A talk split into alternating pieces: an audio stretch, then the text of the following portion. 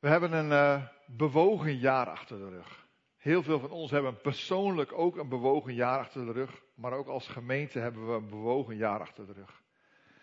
En wat er gaat komen, niemand weet het. We maken plannen. We hebben ideeën. Maar vervolgens loopt het allemaal net even anders. En komt het, ook, komt het uiteindelijk ook goed. Ik was, uh, toen ik hier beroepen werd, toen was tijdens het beroepingsgesprek was hier in de zaal. Dat was nog na, na, na tijd van, uh, van corona. Dus deze zaal was nog niet ingericht en het was uh, ja, een aantal stoelen in de cirkel. Toen zei een van de mensen tegen mij van, ja wij noemen het geen voorganger, we noemen de, degene die hier komt werken geen voorganger, maar een voorbijganger. En dat vond ik een hele lastige. Ik dacht bij mezelf, een voorbijganger, ik wil juist lange termijn investeren. En dan praat je niet over een voorbijganger, maar over een voorganger. En dat is juist mijn droom. Maar je weet het niet. We weten het niet. Ik dacht bij de vorige gemeente ook dat ik daar lang zou blijven. En ik heb daar drie jaar mogen dienen. Het was heel fijn om daar te dienen, die drie jaar. En we hebben er ook fantastisch afscheid genomen. Maar het was wel na drie jaar al voorbij. En daarvoor kwam ik uit de industrie waar ik ook niet wilde zijn. Dus zeg het maar. Afgelopen jaar heb ik uh, een aantal uh, ja, lessen gehad uit het boek Handelingen. En een van de dingen die ik daar geleerd heb, of eigenlijk twee dingen, is als Gods geest werkt, kun je er geen pijl op trekken. En dat is precies zoals het gaat. Ik doe deze een klein beetje aan de kant, hij knalt een beetje. Dat is precies zoals het gaat met het werk van God. Je kunt er geen pijl op trekken. In Johannes 3 staat dat wie door de geest, wie uh, gevuld is met de geest, is als de wind. Waarvan je niet weet waar die vandaan komt en waar die heen gaat. En zo is het met iedereen die opnieuw geboren is vanuit de geest van God. Je weet het gewoon niet. Dus dat is goed, dat is waar en dat mogen we gewoon als uitgangspunt nemen. Zei dat er twee dingen waren. Het eerste is, je kunt er geen pijl op trekken. Het tweede wat je in het boek Handelingen heel duidelijk ziet, in het Bijbelboek Handelingen, is dat er allemaal uh, losse eindjes zijn. Het begint met uh, Petrus. Die duikt in één keer op in Handelingen 2. En halverwege het boek verdwijnt hij in één keer weer. Jacobus komt naar voren. Uh, Paulus, die begint in één keer. En het boek Handelingen eindigt ook heel abrupt. Eigenlijk heb je bij al die geschiedenissen een idee. Ja, maar ik wil graag weten hoe het afloopt. Ja, dat wil iedereen graag. Maar de toekomst is des Heren. En zo mogen we erin staan. Zo mogen we ermee bezig zijn. Zo mogen we ook bezig zijn met ons als gemeente. En ik heb een, uh, als we gaan kijken hoe wij als gemeente op dit moment zijn, kunnen we zeggen, we zijn aan het groeien. Afgelopen jaar zijn er een heel aantal mensen bijgekomen. En het aantal mensen wat er bijgekomen is, is groter dan het aantal mensen wat, om welke reden dan ook, verdwenen is uit de gemeente. Dat betekent dat we als gemeente aan het groeien zijn. Maar groei is nooit vanuit één punt. Je hebt groei in organisatie. We zijn als gemeente qua organisatie ook aan het groeien.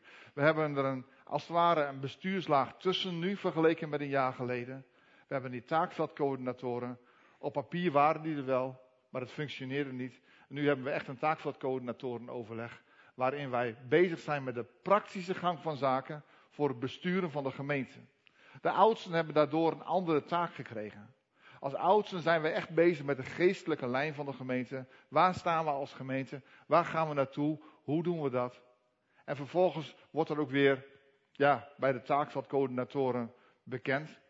En dat gebeurt dan vaak door uh, ja, de, degene die ook bij het uh, oudstenoverleg zitten. Die zitten ook, sommigen zitten er ook bij het taakveldcoördinatoren Dus er is nog geen officieel communicatiekanaal. Maar dit is al echt een stap verder. We zijn qua organisatie aan het groeien. We hebben een aantal nieuwe leiders mogen verwelkomen.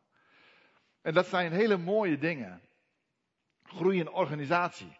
Wat er ook gebeurd is, groei in aantal. De, toen we hier kwamen, in dit gebouw, vorig, uh, afgelopen februari, 15 februari zeg ik uit mijn hoofd. Toen hadden we hier um, ehm, 150 stoelen staan. De zaal die stopte hier. En het podium stopte hier. En hier stonden 150 stoelen. Dat was ongeveer wat het was. En bij die eerste dienst, dat was gelijk een goed volle dienst. Um, toen zaten ze ook eigenlijk allemaal ongeveer wel vol. En daarna, ja, toen waren die diensten die waren een beetje minder vol. En, maar we zagen wel van, hé, hey, dit gaat niet goed. We moeten even op korte termijn actie nemen. Dus in mei is deze muur eruit gehaald. En uh, het podium is gewoon verzet naar achteren. Het is allemaal echt, ik vind het echt netjes geworden. Ik vind, als je zegt, zag hoe zo'n wilde actie dit was en hoe mooi het is geworden, dan is dat gewoon goed. Ja, de vloerbedekking, dat, uh, daar zit een streep in, dus daar hebben we een paar matten overheen gelegd. En dan is het grote voordeel ook, als je wilt knielen, dan heb je een hele zachte vloer om op te knielen. Dat is ook prettig. Dus groei in aantal, dat is eigenlijk het, het tweede wat je hierbij ziet. Maar het derde, en dat aspect mogen we nooit, nooit vergeten, is groei in diepte en in kennis van God. Groei in kennis van God betekent niet dat je zijn regels beter leert kennen. Daar gaat het niet om. Het gaat erom dat je dan leert wie God is. Eigenlijk zodat je zijn regels niet meer nodig hebt. Maar dat je gewoon aan Gods hand kunt wandelen. En daar mogen we mee bezig zijn. Komende week, begint, komende zondag begint er een uh, serie van vijf, uh, vijf preken over de tien geboden. De meesten van ons kennen, de, hebben wel eens gehoord van de tien geboden of kennen ze misschien wel uit hun hoofd. Wat we gaan doen is, we gaan niet zeggen van zo moet het, maar we gaan kijken van wat is Gods wijsheid. En dat mogen we daaruit leren. Ik ga de gastsprekers van onze gemeente, die ga ik vragen of ze allemaal een Bijbelverhaal, hun favoriete Bijbelverhaal willen gaan bespreken. Zodat wij allemaal vertrouwd gaan worden met die verhalen. En zodat God op die manier en Gods werk op die manier ook meer landt in, in ons hart. En zodat wij meer in diepte gaan. En ik wil jullie ook oproepen om het komend jaar God beter te gaan leren kennen. We gaan ook hier in de gemeente zijn we ook van plan om ja, programma's daarvoor te gaan maken. Voor nieuwe mensen willen we een introductiekring gaan organiseren. Die, uh, zodat ook de, de basisdingen van het, uh, het wandelen met God daar besproken worden. Dat je ook kunt zien waar wij staan als gemeente. En als je bij jezelf denkt, daar wil ik ook naartoe. Kom daar gewoon naartoe. Als die georganiseerd wordt, van harte welkom. Wordt een alfa-cursus, staat er in de planning. Dus daarin willen we gewoon investeren in het groeien in diepte. En ja, er zijn een heel aantal mensen in onze gemeente die hebben een bijbelleesrooster. Ik zelf ook. In één jaar de Bijbel door, dat is best een kluif. Dat zijn vier hoofdstukken per dag of drie hoofdstukken en een psalm. En dat is best veel, maar je gaat er gewoon weer helemaal doorheen. En je leert elke keer weer God een stukje beter kennen.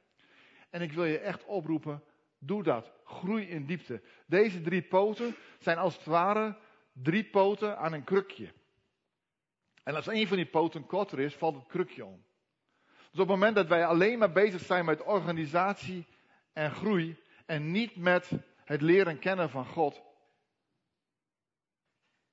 dat, dat, dan, dan stopt dat. Dat stopt. Wat er dan gebeurt, weet ik niet. Het kan zijn dat er dan een, dat er dan een crisis komt. En dat denk ik eigenlijk wel. Want er, zijn, er zullen een aantal mensen zijn, jullie met kruis uit het midden uit het centrum gezet. Dat mag niet. Die moet centraal blijven staan. Of, of ja, weet je, de inhoud verdwijnt, dus waarom zouden we nog samenkomen? Dus ik, deze drie dingen zijn alle drie belangrijk. Op het moment dat wij zeggen we groeien wel in organisatie en we groeien in diepte, maar we groeien niet in aantal, dan is er ook wat aan de hand. En het gaat niet. Je gaat mij geen getallen horen noemen hier van over een jaar willen we daar staan, over twee jaar willen we daar staan. Dat gaan we niet doen. Want ik geloof dat groei in aantal een gevolg is en geen doel. Wij mogen een plek zijn waar Gods liefde gewoon tastbaar aanwezig is. Als mensen hier binnenkomen, dat ze binnenkomen in een wolk van Gods liefde. Dat mag het zijn. In uh, 1 Korinthe 14 staat het zo mooi beschreven dat mensen binnenkomen, dat ze op hun knieën vallen. Dat ze hun zonde beleiden en erkennen, werkelijk God is hier in hun midden. Dat. Dat is mijn droom voor deze gemeente. Dat mensen op die manier zien en proeven en tasten dat God hier is. Deze drie dingen. Groei in organisatie, groei in aantal, groei in diepte. Dus dat betekent gewoon dat wij het groeiend aantal faciliteren, dat wij investeren in leiderschap en dat wij investeren in hoe we God leren kennen. Die drie dingen. Hier willen we het komend jaar ook mee bezig. Ik heb een aantal plannen in mijn hoofd. We moeten zien. We gaan kijken wat er gaat lukken en wat er niet gaat lukken. En ik roep jullie ook op van investeer in het kennen van God. Het gebouw. We hebben een uh, gebouw en dit gebouw. Oh, ik geloof dat de volgorde een beetje. Ah ja. Het gebouw hebben we van God gekregen. Dat is een hele belangrijke. Toen wij hier, uh, toen ik hier kwam, toen kwam gelijk de eerste zondag een broeder op me af en die zei: We hebben dit gebouw van God gekregen. We kijkten toen naar de overkant, we kwamen hier. En hij zei toen: En mijn conclusie is dan dat we hier weer in diensten moeten houden. Nou, die conclusie, conclusie vond ik niet passend bij het verhaal dat hij zei: van, We hebben het van God gekregen. Want dat zijn twee dingen die aan elkaar geknoopt worden, waarvan ik denk: van ja, het zou kunnen, maar je kunt het gebouw ook ergens anders voor gebruiken. Maar we hebben dit gebouw van God gekregen en God had er een plan mee. En wat is dat plan daarmee? Daar mogen we voor bidden. Wij hebben dit gebouw en wij hebben hier relatief weinig kosten aan. Het is uh, geïsoleerd. In dat geval, we hebben dubbel glas hier. En dat betekent dat het qua stoken uh, op zich relatief meevalt, vergeleken met een heleboel andere gebouwen. We hebben er geen hypotheek meer op. En uh, we zitten hier, ja, eigenlijk best wel goed. We hebben 225 zitplaatsen, zoveel stoelen staan hier nu, 225. En dat is dus uh, behoorlijk meer dan vorig jaar. En we hebben nou een aantal zondagen achter elkaar gehad dat deze stoelen ook allemaal vol zaten. We hebben hier drie jeugd- en kinderruimtes. Drieënhalf. Boven is nog een klein zaaltje.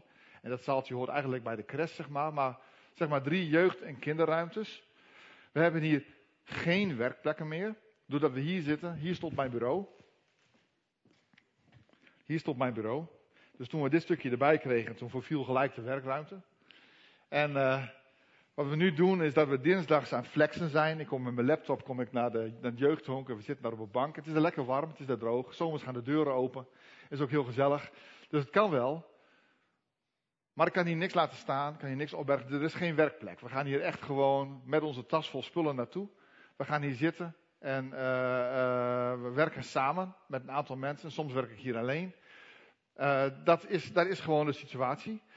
er zijn geen gespreksruimtes. Dus als we pastorale gesprekken willen voeren, dan gaan we of in de kinderruimte zitten of, of in het jeugdhonk. Um, soms is er ook, dan, dan kom ik hier naartoe met mijn tas met spullen en daar is de kring in de jeugdhonk. En dan denk ik van oké, ik ga wel boven zitten. Heb je geen tafel. Dus het is, het is een beetje, beetje krap allemaal. Het het is wat lastig werken. We hebben relatief weinig koffiegelegenheid. Nu kunnen we de stoelen allemaal opstapelen. En dan hebben we hier achter in de zaal hebben we ook uh, ruimte om bij elkaar te zijn. En dit gebouw is ook aardbevingsgevoelig. Dat is, dat is gewoon zo. Het is geen veilig gebouw, zeg maar, vanuit de, de, de normen die we hier hebben op het gebied van aardbeving. Dit is de situatie rondom dit gebouw.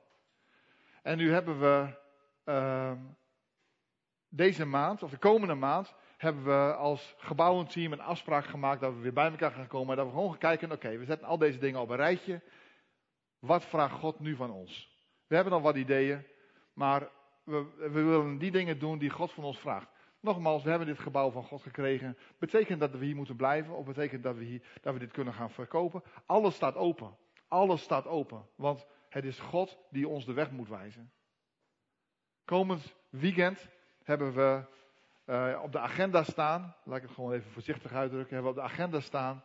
Uh, een weekend van vasten en bidden. Die begint vrijdagavond om 7 uur, dus na het eten. Op zich wel prettig. En dan hebben we zaterdag de hele dag vasten en bidden. En zondagavond uh, om 8 uur, dus dat is na 49 uur vasten en bidden, gaan we hier samen weer eten in dit gebouw. Hoe, hoe gaan we dat doen? Uh, al weinig organisatie. Ik bedoel, als ik jullie oproep om s'avonds om 7 uur te stoppen met eten, dan ben je al aan het vasten. Dus moeilijker is dat niet. En vrijdagavond is hier jeugd in het gebouw, dus we gaan hier in het gebouw niks doen. Uh, zaterdags uh, wil ik jullie vragen om gewoon te vasten en te bidden. Op het, moment, het bidden op het moment dat het jou uitkomt. En het vasten, blijf gewoon vasten. En zondags hebben we hier een dienst met avondmaal. En uh, tijdens die avondmaalsdienst gaan we gewoon avondmaal vieren.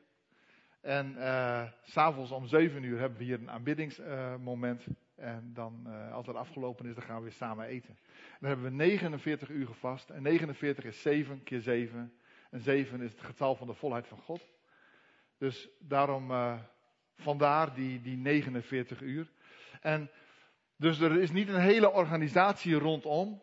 Maar we gaan echt gewoon daarop focussen. En ik wil jullie ook echt oproepen. Ga vasten en bidden, ook voor het gebouw. Want het gebouw is wel een redelijk prominent onderdeel van ons gemeente zijn. En hoe we verder moeten, we zien het op dit moment niet. Er zijn geen concrete plannen die we uit de kast kunnen trekken en zeggen van zo gaan we het doen. Maar God wil ons hierin wel de weg wijzen, want Hij is erbij. Plannen maken. Plannen maken. Jacobus 4, vers 13 tot 17. Ik lees het even voor.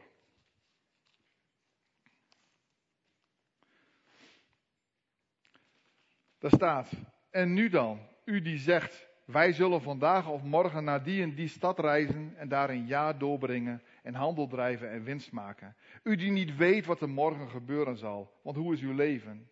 Er is immers een damp die voor korte tijd verschijnt en daarna verdwijnt. In plaats daarvan zou u moeten zeggen, als de Heere wil en wij leven, dan zullen wij dit of dat doen. Maar nu roemt u, nu roemt u in uw hoogmoed.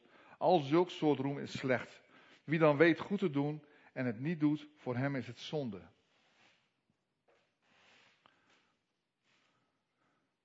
Vers 13. We beginnen eventjes bij dat eerste vers, vers 13. En nu dan, u die zegt, wij zullen vandaag of morgen naar die en die stad reizen en daar een jaar doorbrengen en handel drijven en winst maken. Dit is gericht aan zakenlui. Mensen die, uh, Jacobus kende blijkbaar zakenlui die, die gewoon heel veel handel dreven en overal naartoe gingen. Ik moet er niet aan denken om een jaar in een stad te wonen en dan weer te vertrekken en dan op een andere plek weer, want ik doe graag zaken op basis van relatie. En dit is wat mij betreft een beetje te kort, kort op elkaar allemaal. Maar dit is wat hier uh, neergezet wordt. En nu dan u die zegt, wij zullen vandaag of morgen naar die en die stad reizen en daar een jaar doorbrengen en handel drijven en winst maken. Kijk eens hoe onzeker. Hij heeft het over een jaar. Een jaar is echt een hele lange periode eigenlijk. Het is niet te overzien.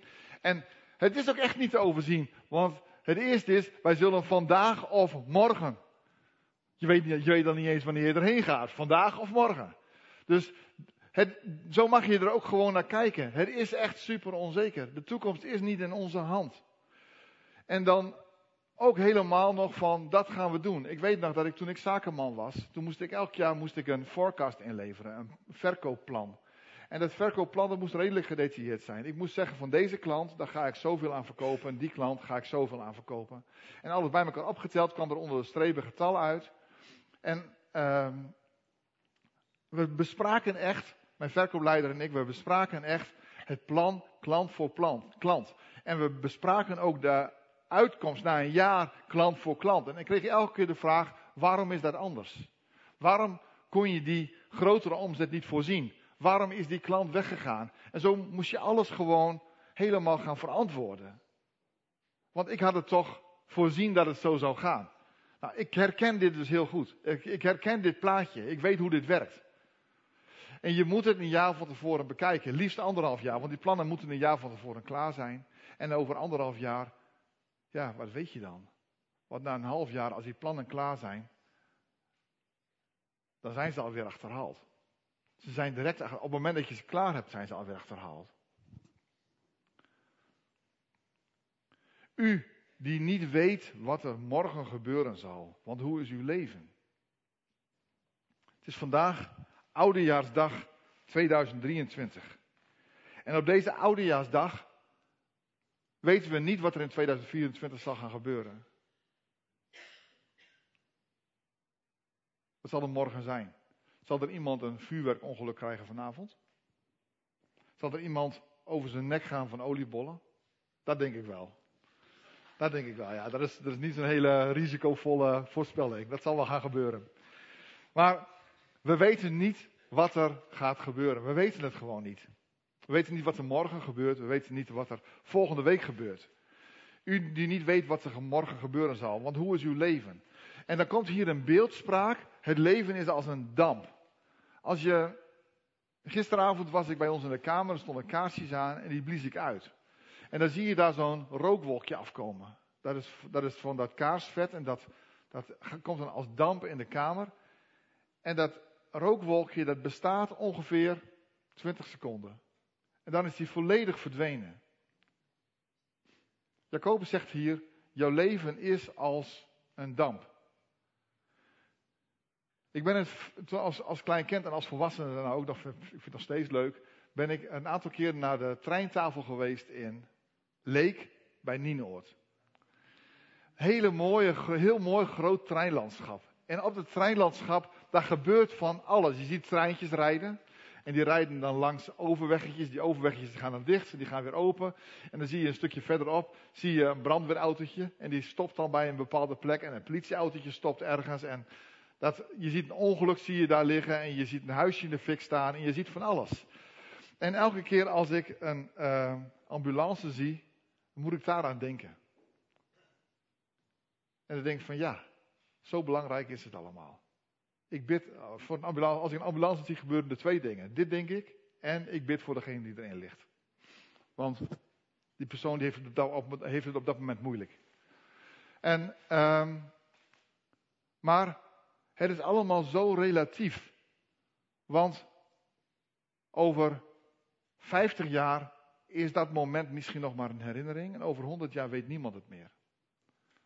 Alles wat we nu vastleggen op internet, ik kan je vertellen, over 100 jaar, als de Heer Jezus nog niet teruggekomen is, is het verdampt. Want er zijn zoveel mooie dingen vastgelegd. Ook 100 jaar geleden al en 200 jaar geleden. En we weten het allemaal niet meer. Het is als een damp. Het is er nu. En tien minuten later is het weer weg. En je ziet het ook in de Bijbel, zie je ook het beeld van gras. Dat ons leven is als gras. Vandaag groen, morgen geel, overmorgen in de oven. Dat is eigenlijk wat, wat, daar, wat, wat, wat daarvan gezegd wordt, van, van ons leven. En zo relatief is het ook. En zo belangrijk is het ook allemaal. Maar het gaat ook niet om, om dat ons leven centraal staat op deze wereld. Het gaat om God. En Hij heeft bepaald dat wij zoveel waard zijn. Dat Hij zijn zoon gegeven heeft voor ons allemaal. Dat is de waarde van ons leven. En dat is zijn, zijn keuze. En deze keuze mag centraal staan. We moeten onszelf niet belangrijk vinden. Dat is niet onze taak. Het is Gods taak om ons belangrijk te vinden. In plaats daarvan, dus hij zegt, hij zegt niet van je mag geen plannen maken, maar hij geeft een alternatieve formulering. En dan mag je prima plannen maken. Zou je moeten zeggen, als de Heere wil en wij leven, dan zullen wij dit of dat doen. En um, op die manier kunnen wij dus ook gewoon plannen maken. Want ik zeg niet dat het fout is om plannen te maken. Maar die plannen die mogen altijd onder dit voorbehoud zijn. Wij hebben een plan, maar God staat erboven. Maar nu roemt u in uw hoogmoed. En al, al zulk soort roem is slecht, staat hier. Uh, Jacobus is behoorlijk veroordelend in zijn, in zijn uitspraken. Dat hoort bij Jacobus. Hij, uh, het is zo dat toen Luther uh, bezig was met het vertalen van de Bijbel, wilde hij in eerste instantie ook Jacobus overslaan. Hij had niet zoveel met Jacobus. Hij, vindt eigenlijk dat, hij vond eigenlijk dat het niet bij de Bijbel hoorde. Luther was een kerkhervormer uit de 16e eeuw, zeg ik uit mijn hoofd. En die heeft de Bijbel vertaald in het Duits. Hij had niet zoveel met Jacobus. Of vanwege dit soort uitspraken. Dus het veroordelende. Maar het is redelijk zwart-wit. Hij zet hier gewoon heel scherp neer. Dit is niet goed, mensen. Dit is niet goed. Wij moeten niet roemen in onze hoogmoed. En um, hoogmoed is een, een, het woord wat er staat, kun je ook vertalen met bluff. Het is gewoon bluff wat wij, wat wij neerzetten. Als wij zeggen morgen gaan we, gaan we daarheen, dat is gewoon bluff. Nee, we mogen zeggen, we onderwerpen het aan God. Als de Heer wil, gaan wij morgen die kant op. En wie dan weet goed te doen en het niet doet, voor hem is het zonde. Dus hij benoemt dit ook echt als een zonde. En een zonde, daar is precies datgene doen wat God niet wil. Waarvoor God je niet gemaakt heeft. Waardoor je eigenlijk jezelf in de problemen brengt. Als je jezelf gaat verheffen, dan hoeft God dat niet meer te doen. Ik begon met het woordje deo volente. Dit wordt wel de Jacobitische voorwaarde genoemd, omdat het zo in het Bijbelboek Jacobus staat. En in het Latijn is deo is God en volente is willende. En dus is DV, deo volente, als de, als de Heer het wil. Ja, en dit is eigenlijk deo, deo volente, dat wordt eh, vaak gezegd van dat betekent als de Heer het wil en wij leven. En dat is omdat Jacobus zo staat, maar letterlijk betekent als de Heer het wil. Dat is de Jacobitische voorwaarde. En op deze manier mogen wij ook echt het komende jaar ingaan. Als de Heer het wil.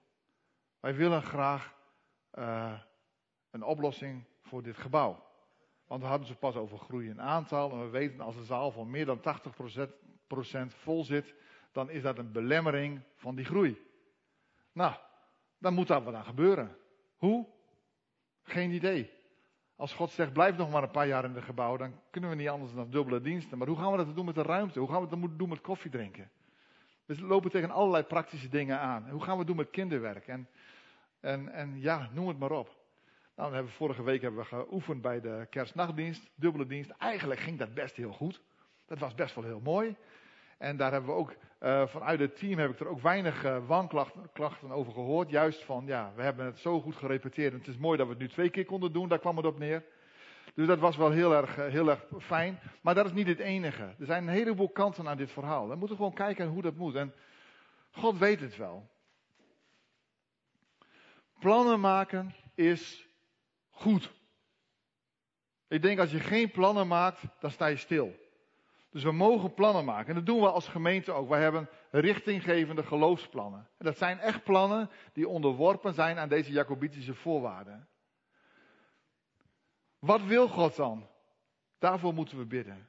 Het volgende weekend hebben we dat weekend van vasten en gebed. Vrijdagavond om 7 uur gaat er, ja, begint dat eigenlijk, kunnen we als gemeente beginnen te vasten. Dat kun je individueel doen. Om 7 uur stop ik met eten. Ik vind het eigenlijk wel een heerlijk moment. Gewoon lekker na het avondeten stop ik met eten. Het is een heel natuurlijk moment om te stoppen. Maar ga maar eens kijken hoe lastig het is om dan s'avonds niet te eten. En de volgende morgen als je dan wakker wordt. Het, het, is, het mag wat kosten, het mag ongemakkelijk zijn. Het gaat erom dat God ook boven deze primaire levensbehoeften staat. God staat boven het eten. Hij is groter. Het is niet een bijbelse opdracht om te vasten, maar wel een bijbels gegeven om te vasten. We zien het ontstaan in de tijd van koning David. Dat is eigenlijk de eerste periode dat je het vasten ziet. En je ziet het steeds verder, elke keer weer naar voren komen. De profeet Jezaja, die vertelt er heel veel over. En in de tijd van de Heer Jezus, in de tijd van de apostelen, werd ook veel gevast. En de ene keer was het een korte periode, soms was het gewoon een dag, een dag vasten. Dan zag je, ze kwamen bij elkaar en ze vasten en ze baden en ze kwamen op dit dat punt uit. Dat zie je op een aantal plekken. En de Heer Jezus die vastte 40 dagen. Ik wil je wel vragen om wel te drinken om 49 uh, uur wel eten en niet drinken, dat is niet fijn. Dat, wil ik, dat, dat gaat echt ten koste van veel. Dan, dan, dan krijgen we echt problemen. Maar laat het eten staan dan. Of, of ja, als je denkt van ik kan dat niet, laat dan een deel van het eten staan. Want Daniel bijvoorbeeld, die ging vasten door de, door de uh, luxe dingen te, los te laten. Door, te, door de, eigenlijk de, uh, alleen maar water en brood te eten. Dat is ook een vorm van vasten. Op die manier kun je God op de eerste plek zetten. Bid God. Bid God voor jouw persoonlijk leven. Bid God voor doorbraken op het gebied van het gemeente zijn. Op het gebied van het gebouw. Op het gebied van hoe wij gemeente zijn. Bid God om doorbraken. Bid God om doorbraken in jouw omgeving, in jouw persoonlijke omgeving. Misschien je familie, maar ook de mensen om je heen. Bid God om doorbraken in de regio waar je woont. En als je denkt bij jezelf, ja, maar ik weet, mijn straat is met een klein. Bid dan voor de Eems-Delta-regio. Bid voor de regio eromheen. Maar breng het bij God. Het is zo belangrijk dat wij bidden. God geeft ook dromen. Hij geeft dromen. En die dromen die mogen we ook gewoon najagen. Mogen we achteraan gaan. Mogen we doen. Maar het zijn wel dromen die God geeft en dat mogen we ook bidden doen. Durf te dromen, Durf ook gewoon grote dingen te doen. Maar op het moment dat God een droom geeft, durf dan ook te gaan. Um, soms is het, denk je bij jezelf van, um, er gaat een deur dicht. Ik wilde ergens naartoe gaan, maar het, het sluit af. Er gaat een deur dicht. Maar daar, daar was ik comfortabel mee. En dan, dan wordt er wel gezegd, en als God een deur sluit, gaat er een raam open. Wil ik je vragen, als God het raam open doet, durf uit dat raam te klimmen. En dat is misschien nog wel veel spannender. Want iets niet doen wat je van plan was, oké, dat is een teleurstelling. Maar iets wel gaan doen waarvan je niet weet wat er gaat gebeuren, dat is spannend. Maar durf het wel te doen. Durf het wel te doen. Als je het bij jezelf denkt, maar ik ben veel te oud om dat te doen. Als God roept, gewoon doen. Als je 75 bent en God roept je tot een, een, training theologie, weet ik veel wat, uh, een opleiding. En denk er niet bij jezelf, ik ben te oud. Sommige dingen zijn voor eeuwig. Echt. Ons resten, deze drie, geloof, hoop en liefde. En het meeste daarvan is liefde. En de resten wat daarin staat, is dat het overblijft ook als je gestorven bent. Als we naar de hemel toe gaan, dan gaat ons geloof mee. Onze hoop gaat mee en onze liefde gaat mee. Als je daarin gebouwd wordt, ook al ben je 80, dan groei je voor de eeuwigheid. En dan nog wat.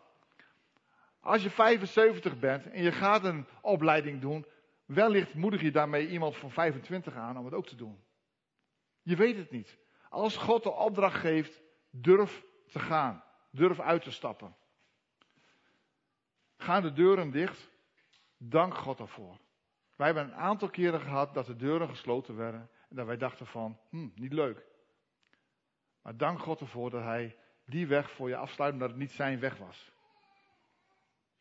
Ik zou graag nu uh, nog kort willen bidden, ook voor het komende jaar. En we gaan God groot maken, ja, met wie we zijn. Heere God,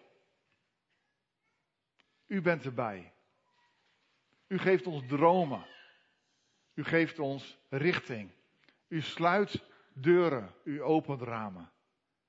En we bidden u, Heere God, help ons dat wij uw weg gaan. En als wij plannen maken, Heer, help ons om het te doen op uw voorwaarden. Als de Heer wil en wij leven.